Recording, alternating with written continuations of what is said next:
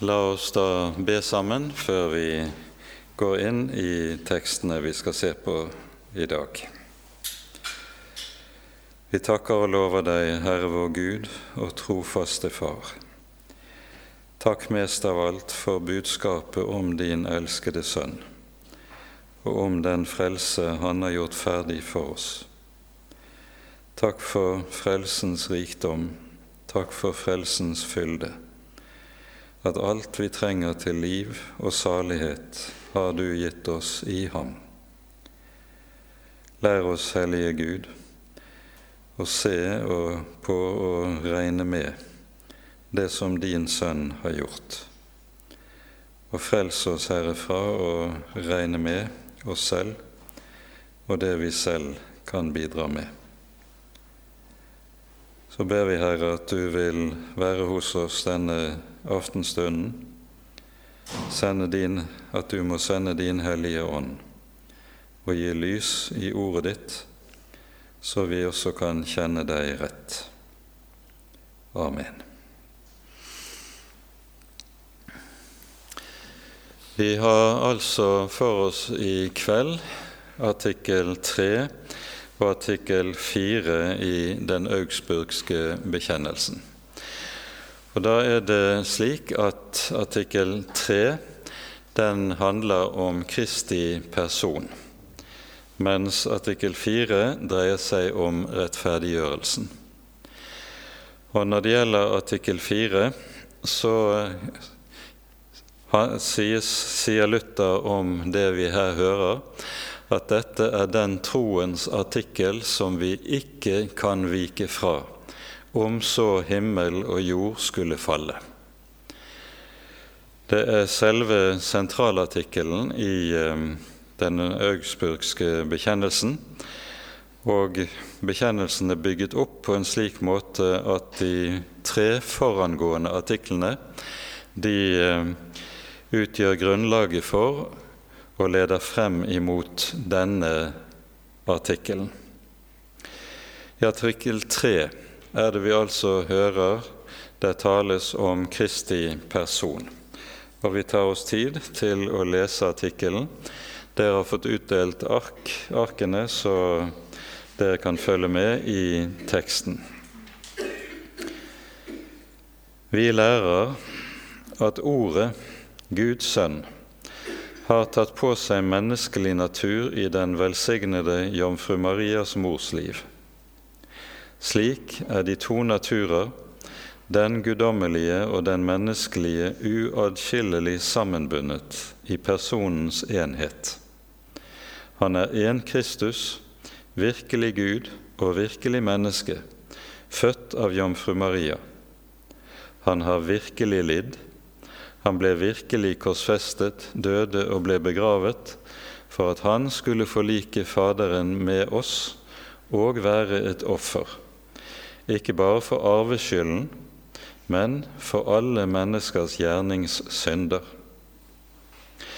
Den samme Kristus for ned til dødsriket og sto virkelig opp på den tredje dag.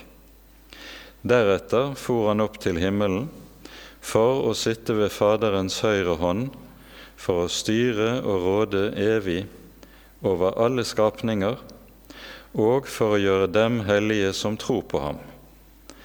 Det gjør han ved å sende Den hellige ånd i deres hjerter. For Ånden rettleder, trøster og levendegjør dem og forsvarer dem mot djevelen og syndens makt. Den samme Kristus skal komme igjen for alles øyne, for å dømme levende og døde, slik det står i den apostoliske trosbekjennelse. Artikkelen vi her har lest, den har dobbelt hensikt.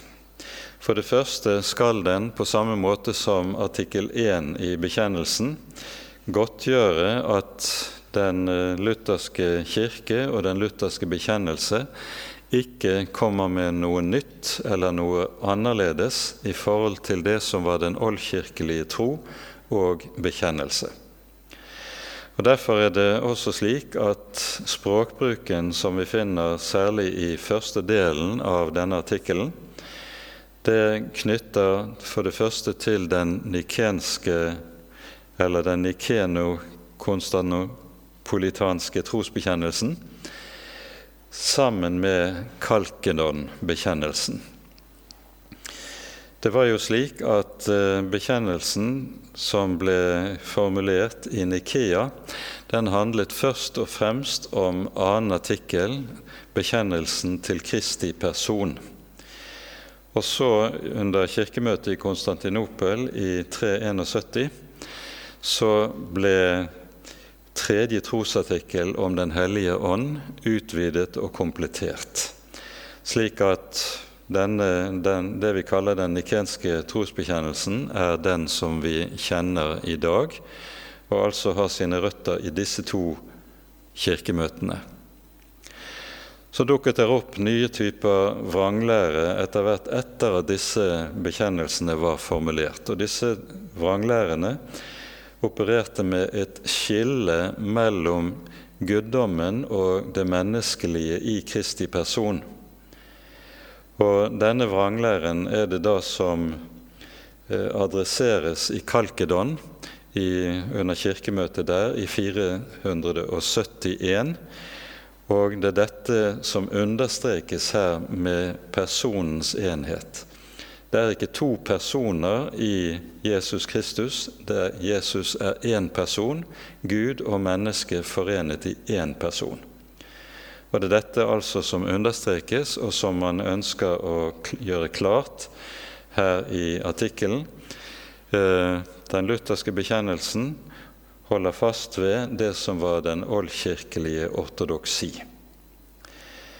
Under reformasjonen så fikk du et avvik fra dette, nemlig hos uh, Ulrich Zwingli. Uh, det var jo slik at uh, i 1529 var det religionssamtaler mellom Luther og Zwingli, mellom reformasjonen i Wittenberg og reformasjonen i Sveits, eh, der man prøvde å finne sammen i en felles vei. Men eh, Svingli kom til å avsløre sitt ståsted i forbindelse med læren om nadværen. Og Læren om nadværen har dyptgående konsekvenser for læren om vår Herre Jesus Kristus. Og Svingli lærer nettopp at, eh, slik at han har rett og slett problemer med personsenheten i Jesus Kristus. Og derfor er artikkel 3 indirekte rettet også mot Svingli. Ellers er artikkel 3 relativt lite polemisk, med ett unntak. Det første avsnittet som vi leste i artikkelen, når det taler om Jesu offer, sonoffer for våre synder, så sies det her Han har virkelig lidd, ble virkelig korsfestet, døde og ble begravet for at han skulle forlike Faderen med oss og være et offer. Ikke bare for arveskylden, men for alle menneskers gjerningssynder. Og Her er det slik at allerede på Luthers tid så var det retninger innenfor den romersk-katolske kirke som lærte at i messeofferet som ble båret frem av den katolske prest i kirken under nadværen, der ble det gjort soning for menneskenes gjerningssynder. Da er det tale om både syndene for levende og døde. Dette omtales i artikkel 24 mer direkte i Augustana. Her står det bare indirekte. Og når eh, eh konfutasjonen, altså motskriftet mot Augustana fra romersk hold, kom eh, under riksdagen i Augsburg, så sier, sies det der at denne, dette beror på en ren misforståelse. Eh, slikt lærte ikke den katolske kirke. Men det er et stort men. Etter Luthers død så kalles, kaller paven sammen til et konsil, det såkalte Tridentinerkonsilet, som sitter samlet i tre store sesjoner fra 1546 til 1563.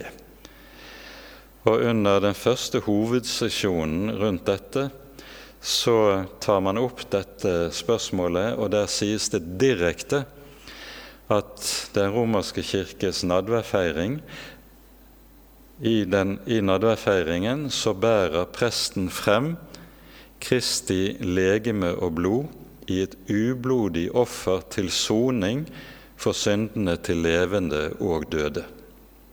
Det er altså slik at Tridentinakonsilet korrigerer konfutasjonen som uh, uh, lyder foran keiseren i 1530.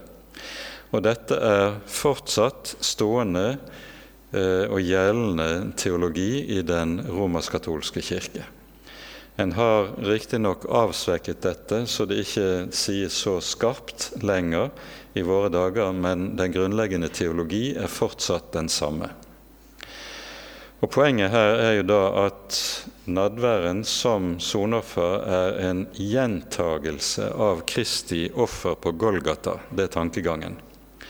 Slik at presten bærer frem et offer i nadværen som soner for syndene til levende og døde.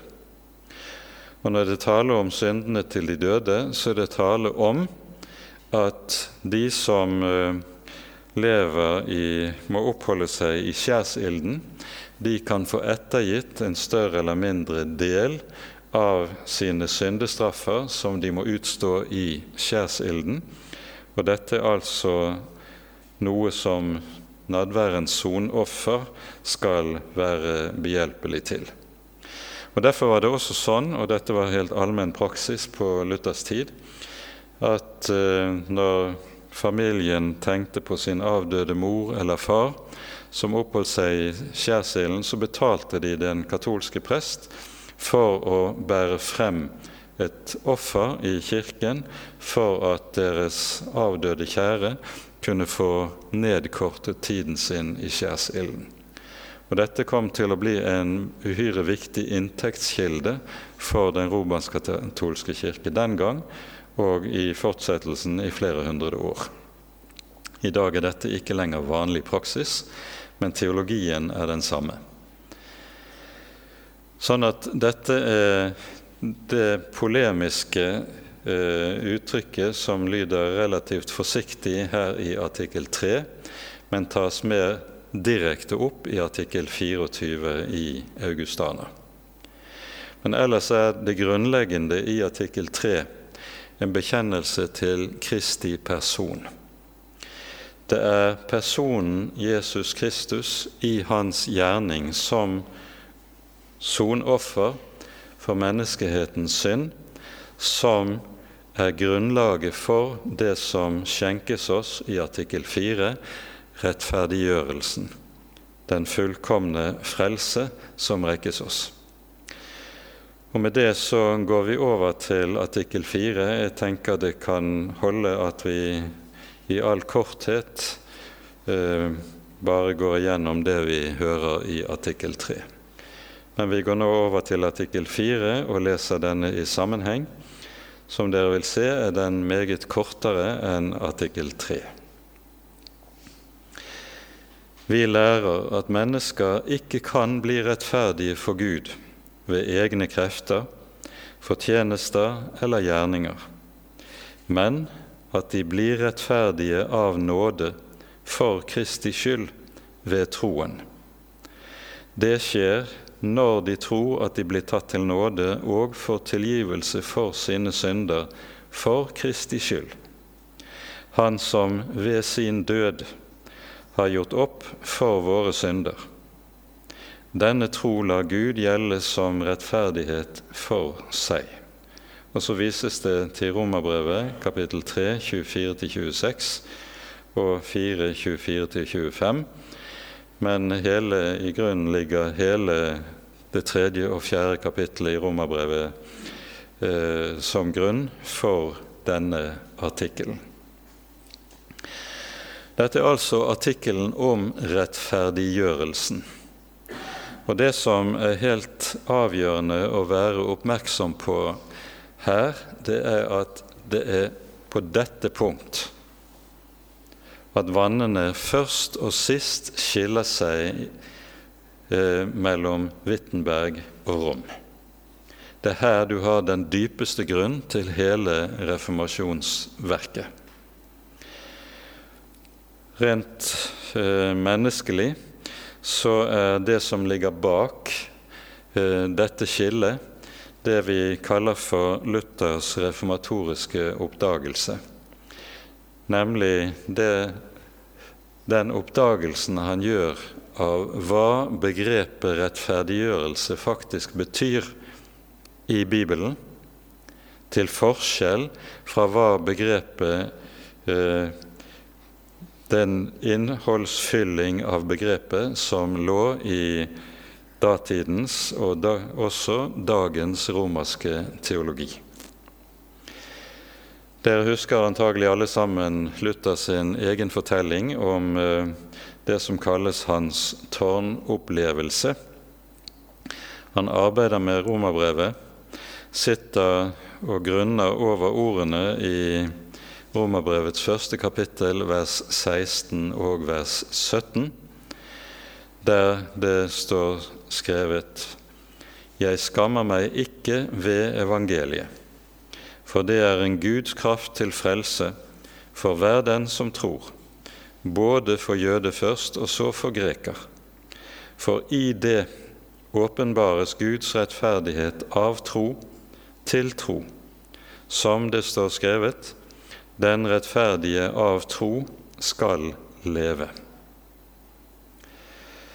Det arbeider med denne teksten at lyset går opp for Luther. Um, han har i mange år kjempet med dype anfektelser som, som har sin rot i den romerske frelseslæren. I den romersk-katolske frelseslæren er botsteologien helt grunnleggende. Og I den katolske botsteologien så tenkte en sånn at den bestod av tre hovedsaker, um, og som kom til uttrykk i det romersk-katolske skriftemålsritualet. Og her, De tre hovedsakene er for det første boten består av munnens bekjennelse av synd, dernest tilsigelsen av syndenes forlatelse, og så, for det tredje, godtgjørelse av det en har forbrutt. En skal så å si gjøre godt igjen det en har forbrutt seg imot loven. Men så var det ett poeng i dette. At romersk teologi stiller også spørsmålet eh, Når du skal bekjenne dine synder, så er jo forutsetningen for dette at du angrer dine synder. En synsbekjennelse uten anger er ikke gyldig. Men så reiser spørsmålet i fortsettelsen hva slags anger er det som berettiger til å få syndenes forlatelse? Og der skjelner en Og det er jo dette som er bakgrunnen for Luthers store anfektelser og angst. En skjelnet mellom den anger som kommer av kjærlighet til Gud, og den anger som kommer av frykt eller redsel for Gud. Og Etter teologi, rådende teologi var det slik at det var bare den anger som skrev seg fra og hadde sin rot i kjærlighet til Gud, som berettiget til at en også kunne få syndenes forlatelse. Hvis en bare bekjente sine synder fordi en var redd for Guds vrede og for Guds dom, så var ikke det tilstrekkelig anger. Og Her var jo saken den at Luther fryktet mer enn noe Guds dom og Guds vrede. For han visste med seg selv for det første han fikk aldeles ikke til å elske Gud.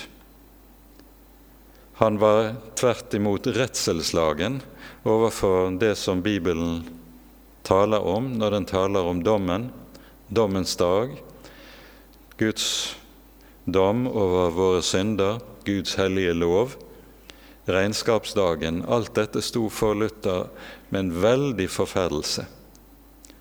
Han hadde en helvetesangst i perioder som eh, han har vansker for å beskrive, men som helt tydelig var noe som han kjempet med gjennom flere år. Og Det er jo dette som er bakteppet for at man gjerne sier at eh, det som var reformasjonens hovedspørsmål, var dette hvordan finner jeg en nådig Gud? For nettopp det var Luthers spørsmål også. Og hans erfaring var jo nettopp dette. Han kunne ikke elske Gud, han kunne ikke angre rett.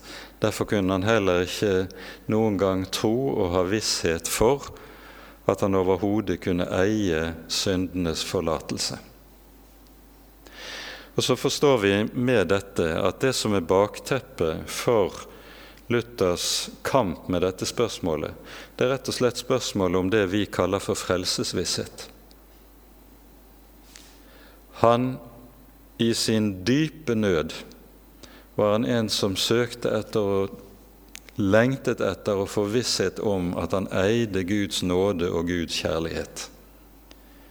Men det turde han aldri å tro på grunn av den teologi han var opplært i. Men nå var altså Luther utnevnt til professor i Den hellige skrift og arbeidet meget grundig og meget flittig med Den hellige skrift. Og ikke minst kom han til å arbeide meget med romerbrevet. Og Når han forteller om sin egen opplevelse av dette, så sier, han har fortalt om det ved flere anledninger, både i sine bordtaler og i innledningen til de samlede skriftene på tysk, som kom i eh, 1539, hvis jeg husker rett. Så forteller han at han leste romernes innledning, og så basket han med dette. Hva menes med begrepet Guds rettferdighet? For, sier han, det han var opplært til å tenke, at, er at begrepet Guds rettferdighet det beskriver Gud som dommeren. Og En dommer er jo en som skal dømme rettferdig, dvs. Si han skal være fullstendig upartisk og dømme rett i forhold til det som er loven, de gitte lover. Og Derfor så skriver Luther om seg selv når han kjempet med dette, at han hatet dette uttrykket 'Guds rettferdighet'. For dette var jo et domsord over ham. Én ting, sier, sier han når han slåss med dette, er at vel er det slik at Moses kommer med sin hellige lov og dømmer meg, men her står det jo at evangeliet også åpenbarer Guds dom Gud som den rettferdige dommer. Det er ikke nok at Moses er dommer, men også Jesus er dommer. Slik tenkte han, og slik forteller han om dette. Men så går det opp for han at begrepet Guds rettferdighet som står her, det er ikke et begrep som beskriver Gud som dommer men beskriver en rettferdighet som Gud skjenker til syndere. Altså det taler om en gave som han gir syndere. For i evangeliet åpenbares Guds rettferdighet av tro til tro. Og med det så går lyset opp. Med det finner Luther fred. Med det så ser han at alt er oppfylt i Kristus Jesus. Og Her skal vi merke oss én sak. Det som var Luthers store kamp, det var det spørsmålet Vil Gud i det hele tatt se i nåde til meg? Vil Gud i det hele tatt ta imot meg? I dag ser det ut til at dette er totalt irrelevant spørsmål for de aller fleste mennesker. For de fleste mennesker er spørsmålet det motsatte. Skal jeg akseptere Gud? I tilfelle må det jo være sånn at Gud må stå seg for min domstol. Og Dermed så blir hele Bibelens forkynnelse om rettferdiggjørelsen slik som vi møter den i Den hellige skrift, og som vi møter den under reformasjonen og i Luthers kamp, det blir noe som blir irrelevant og fremmed for de fleste moderne mennesker. Det er kun det mennesket som har stått i den samme åndelige nød som Luther sto i, som forstår inntil grunnen hva dette budskapet er, betyr, og hvilken verdi dette budskapet egentlig har. Og Derfor sies det også i artikkel 20 i Augustana at denne lære, altså læren om rettferdiggjørelsen, den kan ikke forstås uten kampen i hin forferdede samvittighet. Den som virkelig har kjempet i møte med den vrede Gud, har kjempet under erfaringen og forskrekkelsen av at lovens dom virkelig har gått inn i ens hjerte for alvor, så en ser sin egen situasjon i Guds øyne. For det mennesket blir dette budskapet den aller største gave en kan få. Og så er poenget her at her dreier det seg om den rettferdighet som gjelder for Guds ansikt. Luther taler og kan skjelne mellom to slags rettferdighet som et menneske kan eie. Den ene er den slags rettferdighet som ofte kalles for den borgerlige rettferdighet, og som dreier seg om at et vanlig menneske kan leve rettskaffent godt og rettferdig sånn som en skal her i verden.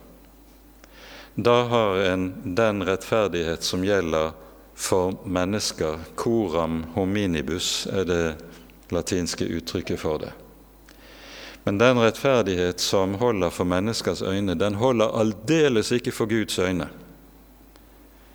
For det det handler om i denne sak, det handler om hvorledes jeg står meg, og hvorledes jeg ser ut i Guds øyne, for Guds ansikt. Coram deo er det latinske uttrykk i teologien for dette. Og Disse to slags rettferdighet de må ikke blandes sammen. Vi skal leve rett og rettferdig her i verden. Vi skal leve som rettskafne mennesker i denne verden. Men det hjelper oss ikke ett skritt nærmere Gud. For for Guds ansikt gjelder helt andre ting. Der gjelder det noe som går langt, langt dypere. Paulus eh, er jo kanskje det fremste eksempelet på et menneske som har levet rettskaffent her i verden, menneskelig talt. Han levet som fariseer, og fariseerne hadde jo som sitt livs hovedinnhold at alt i livet skulle innrettes etter Guds bud, etter Guds hellige lov. Absolutt alt. Det skulle ikke være noen område av livet der Guds bud og Guds lov ikke ble gjort gjeldende. Og Paulus gikk fra tidlig barndomstid inn for å leve slik. Og Det var ingen som kunne finne noe å sette fingeren på i hans liv. Han var i sannhet rettferdig i menneskers øyne. Men nettopp denne rettferdighet, den oppdager han i møte med evangeliet. Og det er jo det som skjer med Paulus når han møter Jesus utenfor Damaskus. Denne rettferdighet holder ikke overhodet. I Filippabrevet sammenfatter Paulus dette meget kortfattet og meget tydelig.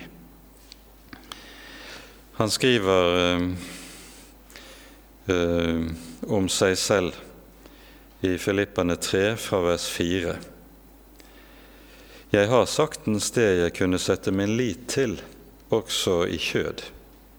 Om noen annen mener seg å kunne sette sin lit til kjød, da kan jeg det langt mer.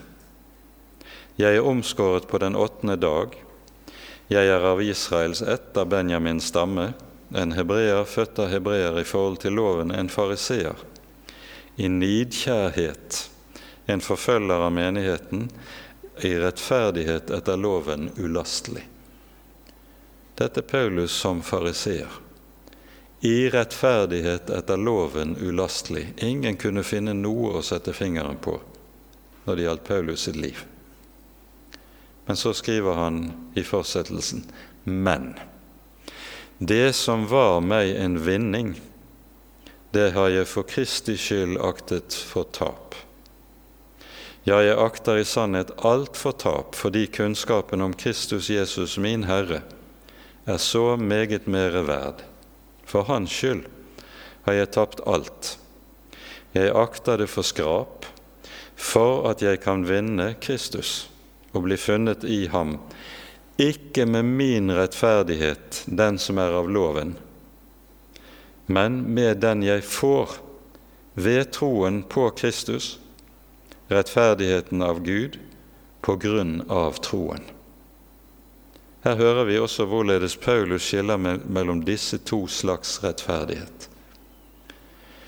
Det er en rettferdighet etter loven som mennesker nok kan opparbeide seg, sånn at de for andre mennesker ser både fromme, hellige og rettferdige ut.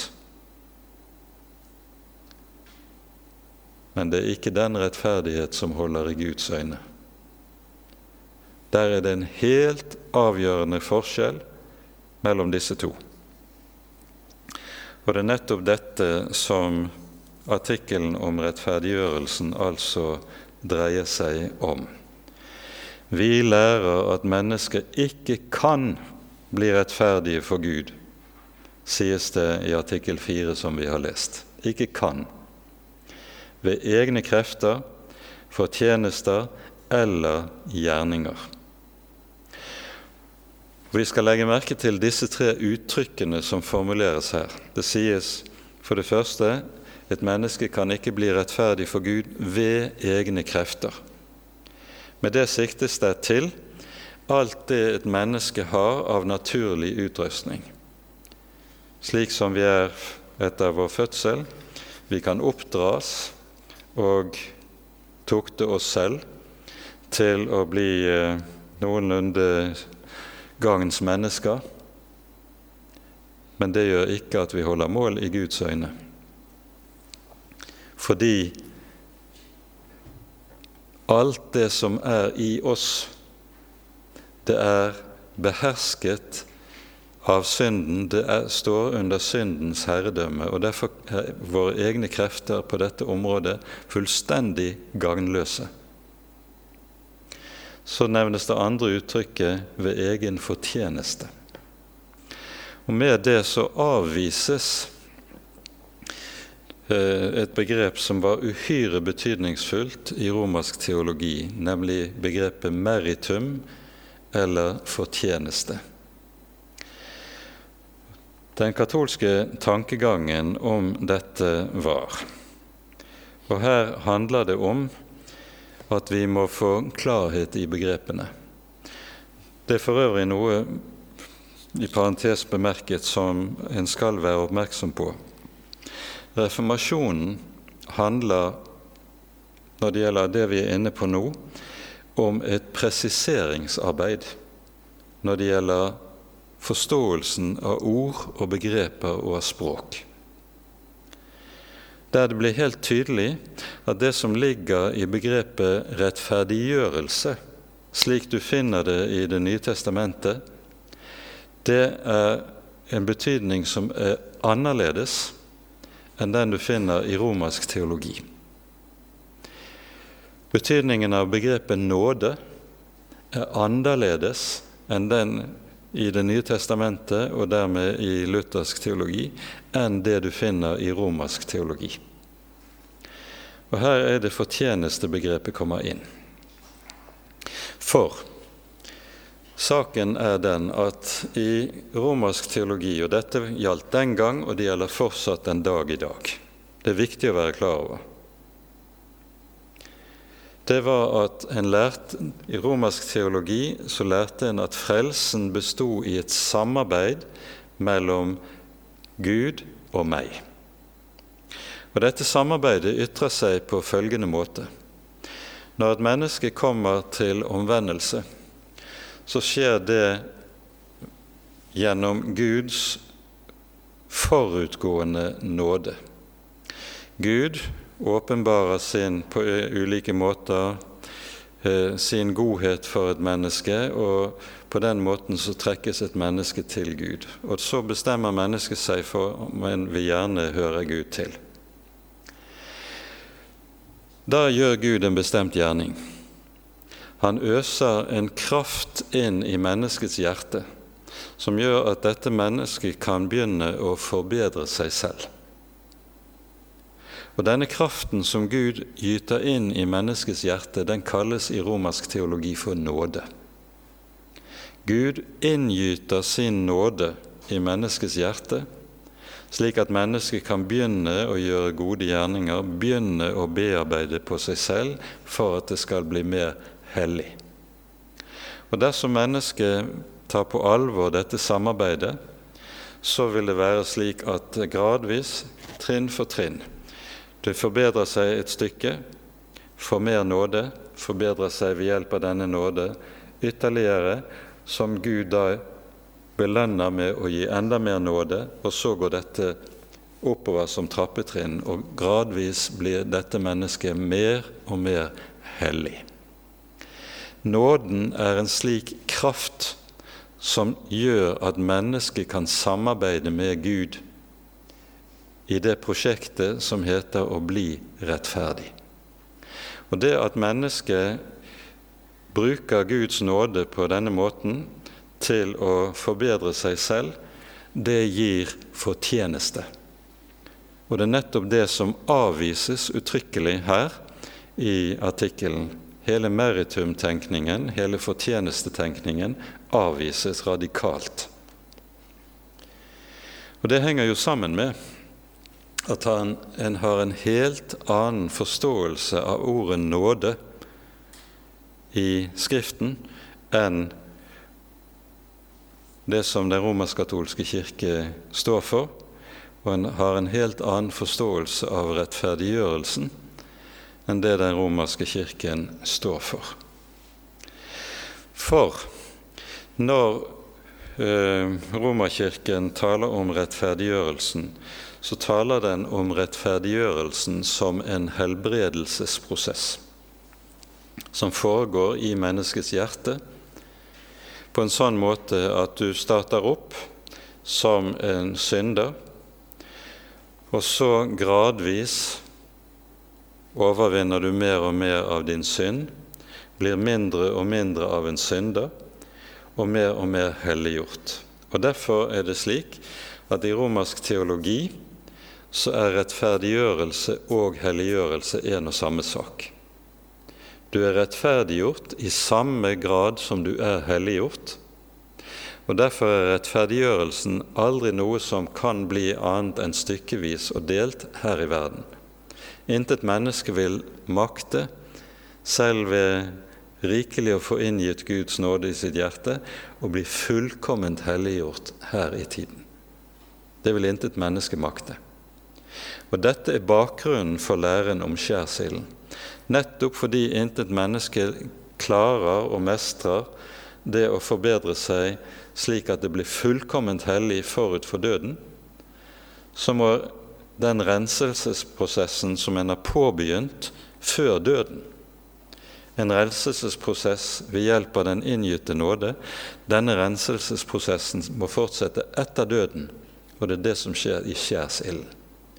Og ingen slipper inn i himmelen uten at den renselsesprosessen er ført ut til å være 100 avsluttet og fullbyrdet. Først da kan en komme inn til saligheten og til himmelen.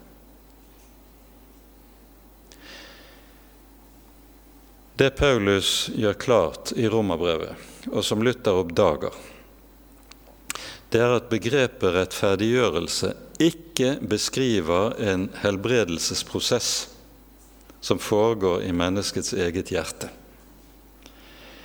Begrepet er, og, er det, og dette gjelder rent språklig Det å bli rettferdiggjort, det i, var i samtidens språk et begrep som var hentet fra rettssalen. Og Her var det slik at en mann kunne føres frem for retten og sto tiltalt for den ene eller den annen forbrytelse. Og, etter at, under retts, rettsprosessen føres til ende, så skal dommeren avski sin dom, og da kan han gjøre ett av to. Enten avsi en dom som sier skyldig, eller en dom som frikjenner tiltalte og sier du er ikke skyldig etter tiltalen, du er frikjent. Og Her er poenget det at begrepet rettferdiggjørelse er det begrepet som ble anvendt ved domstolen for å beskrive frikjennelse. Ordet rettferdiggjørelse betyr altså ikke kun benådning. Hvis en mann benådes, så er han kjent skyldig i det han er tiltalt i, men får ettergitt større eller mindre deler av den straffen som han er pådømt. Men frikjennes du, da sies det du er fri, du er uskyldig i det du er tiltalt i. Og det er nettopp det som sies så uttrykkelig i Romerbrevet i det tredje og det fjerde kapittelet. Aller tydeligst lyder det kanskje i det femte verset i kapittel fire. Her sies det:" Den derimot som ikke har gjerninger, men tror på Ham som rettferdiggjør den ugudelige, han får sin tro tilregnet som rettferdighet. Det er en frikjenning. Og det, Dette verset det sammenfatter det som vi hører tidligere i kapittel 3. Der det først er slik at ifra vers 10 av beskrives det falne mennesket etter sitt vesen, hvorledes det ser ut i Guds øyne. Den som ikke har gjerninger, beskrives ifra vers 10 i Romane 3. Det står der er ikke én rettferdig, ikke en eneste. Der er ikke én som er forstandig, ikke én som søker Gud. Alle er veket av, alle er blitt udugelige. Det er ikke noen som gjør det gode, ikke en eneste. Deres strupe er en åpnet grav. De bruker sin tunge til svik, armegift er under deres lepper. Deres munn er full av forbannelse og bitterhet, raske er deres føtter til å utøse blod. Ødeleggelse og elendighet er det på deres veier, fredsvei kjenner de ikke. Guds frykt er ikke for deres øyne. Dette er beskrivelse av synderen slik han ser ut i Guds øyne. Slik han ser ut i Guds øyne. Merk det. Og dette er et faktum som Guds hellige lov skal åpenbare for et menneske. Når Gud nemlig gir sin lov, så er lovens hensikt ikke å hjelpe mennesket til å rettferdiggjøre seg selv overfor Gud, men det er i stedet å åpenbare en sannhet om meg og om deg som vi ikke ser av oss selv. For dersom lovens forkynnelse fungerer rett, så skal lovens forkynnelse fungerer på den måten at den drar meg inn for Guds ansikt. Den drar meg inn i Guds lys. Så jeg begynner i dette lys å se noe om meg selv som jeg ikke før hadde verken trodd eller innbilt meg eller forstått. Og Derfor skriver Paulus videre her i Romane 3 slik.: Vi vet at alt det loven sier, taler den til dem som er under loven, for at hver munn skal lukkes, og hele verden blir skyldig for Gud. Derfor blir intet kjød rettferdiggjort for ham ved lovgjerninger. For ved loven kommer erkjennelse av synd. Men nå er Guds rettferdighet, som loven og profetene vitner om, åpenbart uten loven, nemlig i en frikjennelsesdom. Loven er kommet for å virke en ganske bestemt erkjennelse. Gud sender og gir sin hellige lov for å virke en selverkjennelse som ikke kan virkes på annen måte.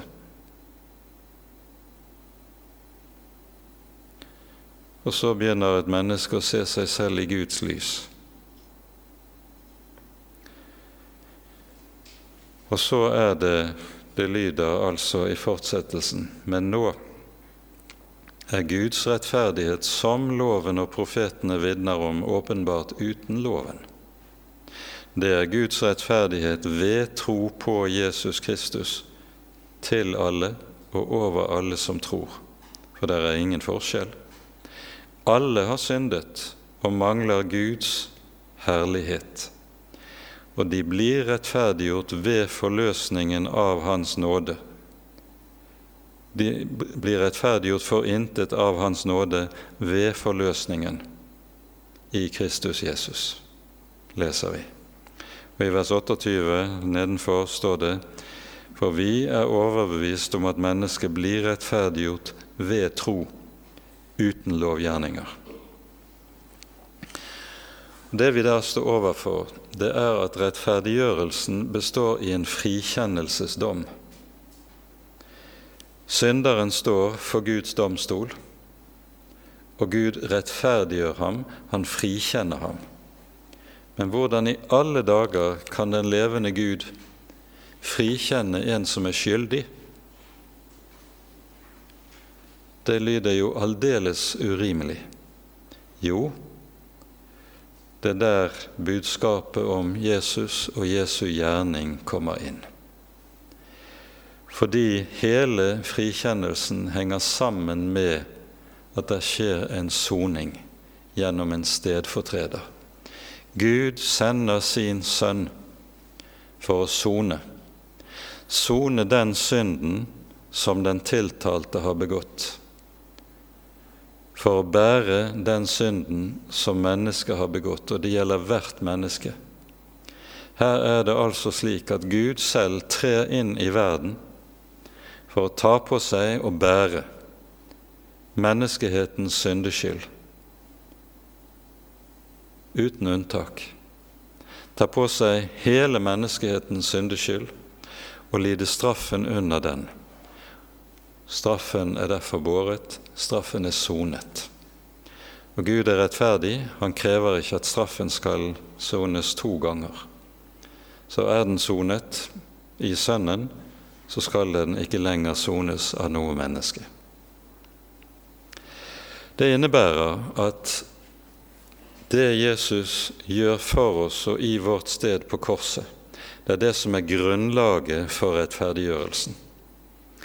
Og Derfor sier, gjøres det også klart at rettferdiggjørelsen består i dette at jeg frikjennes fra min synd, får all min synd tilgitt, uten unntak, uten forbehold, for Kristi skyld. Og denne frikjenning, denne rettferdiggjørelse, gjør at jeg blir rettferdig for Gud ikke i meg selv, ikke ved at jeg forandres i meg selv, men min rettferdighet for Gud er en person. Det er Jesus som er min rettferdighet. Og det er dette som gjør at det er helt nødvendig å avvise absolutt at rettferdiggjørelsen er noe som bare er delvis. Sånn må det jo være hvis det er en prosess som foregår i mitt hjerte. Da blir det aldri noe annet enn noe som er stykkevis og delt. Men er det Jesus som er min rettferdighet, Han som er den hellige, den som er fullkomment syndfri. Da er jeg 100% rettferdig i ham, ikke i meg selv. I meg selv er jeg fortsatt, sånn som vi leste det i Romane 4-5, den som ikke har gjerninger, men tror på ham som rettferdiggjør den ugudelige.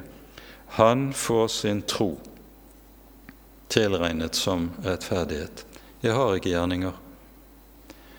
Jesus er min rettferdighet. Jeg har intet, men Jesus gir meg alt overhodet. Og så hviler alt i Kristi person og det Kristus har gjort på Golgata for vår skyld. Når lovgjerninger avvises derfor, så er det en avvisning av at mennesket kan gjøre eller bidra med noe som helst gjennom sin lydighet mot Guds hellige lov, slik at bare jeg gjør mitt beste, så vil jeg ved det bli mer rettferdig for Gud. Det gagner ikke. Jesus har gjort det som er nødvendig til frelse. Og hvis jeg prøver å komme med mitt eget, altså med lovgjerninger, så sier jeg dypest sett det Jesus gjorde på korset, er ikke nok. Og det er en vanhelligelse av Jesus Kristus. Da sier jeg at hvis det Jesus har gjort, det er ikke tilstrekkelig, det er ikke nok, fordi jeg kan komme med mitt. Derfor er det Paulus også sier, sånn som vi siterte sist gang i Galaterbrevets annet kapittel, jeg akter ikke Guds nåde for intet. For er rettferdighet å få ved loven, altså ved min lydighet, da er jo Kristus død forgjeves. Her er det et enten-eller. Når derfor mine gjerninger etter loven totalt avvises, så betyr det at det å få del i denne rettferdighet, det innebærer at den hviler på Kristi gjerning, ikke på min gjerning. Jesus er den som er aktiv, jeg er den som er passiv. Og Luther bruker ofte det uttrykket. Han taler om at vi er fullkomment passive i, når det gjelder rettferdiggjørelsen, fordi det er Jesus som gjør det som er nødvendig for at vi skal bli rettferdige for Gud, ikke vi. I tillegg bruker Luther også et annet uttrykk som er uhyre betydningsfullt, når han taler om dette at det er Jesus som er vår rettferdighet. Rettferdigheten er ikke en kvalitet i oss, noe som kommer som en selvforbedring i våre hjerter, men det er en person som er min rettferdighet. Og Derfor taler Luther om det han kaller for en fremmed rettferdighet. Min rettferdighet for Gud er en fremmed rettferdighet. Den er ikke noe som jeg selv har laget i stand, nemlig, men noe som er gitt meg utenfra, i Kristi verk. Det er rettferdiggjørelsen. Og dette er det altså som står som selve grunnlaget for alt som har med tro å gjøre og frelsesvisshet å gjøre, slik vi lærer noe av dette. Og nettopp denne tro, den forbannes uttrykkelig av den romersk-katolske kirke. Under motreformasjonen, under Tridentina-konsilet, som vi allerede har vært inne på, avsies det en rekke læremessige dommer som uttrykkelig avviser disse grunnleggende sannheter i troen som kommer for dagen og for lyset gjennom reformatorene sitt arbeid med Skriften. I eh, kanon 12 fra Tridentina-konsilet lyder det sånn hvis noen sier at den rettferdiggjørende tro ikke er annet enn tillit til den guddommelige barmhjertighet, som tilgir syndene for Kristi skyld, eller at det er ved denne tillit alene vi blir rettferdiggjort, han være forbannet. Det er kanskje den mest sentrale artikkelen. Det er en rekke andre satser som også forbanner andre sider ved den samme troens rettferdighet. Hvis noen sier at Guds bud er umulig å holde selv for mennesker som er rettferdiggjort og brakt inn under nåden, han være forbannet. Hvis noen sier at et menneske rettferdiggjøres enten ved tilregning av Kristi rettferdighet alene, eller alene gjennom tilgivelse av syndene, han være forbannet. Vi kunne fortsette. Det er mer enn 30 slike kanones som på ulik måte er rettet mot den lutherske evangelieforståelsen. Og vi forstår det er radikalt, en radikal forskjell mellom disse to måter å tenke om troen og livet i Gud å gjøre. For oss som bygger på Den hellige Skrifts budskapet som er åpenbart og gitt oss i evangeliet, er det slik at livet vårt ligger i Kristi person og i Kristi gjerning. Det Han har gjort, det er vårt liv. Det Han har gjort, det er vår rettferdighet. Det Han har gjort, det er vårt håp. Derfor bygger vi ikke på oss selv eller vår egen gjerning. Når det så er tale om helliggjørelse og gode gjerninger, så er det ikke å regne som noe annet enn frukter av rettferdigheten. Men det er ikke grunnlag for rettferdigheten. Og de to ting må en skille radikalt imellom.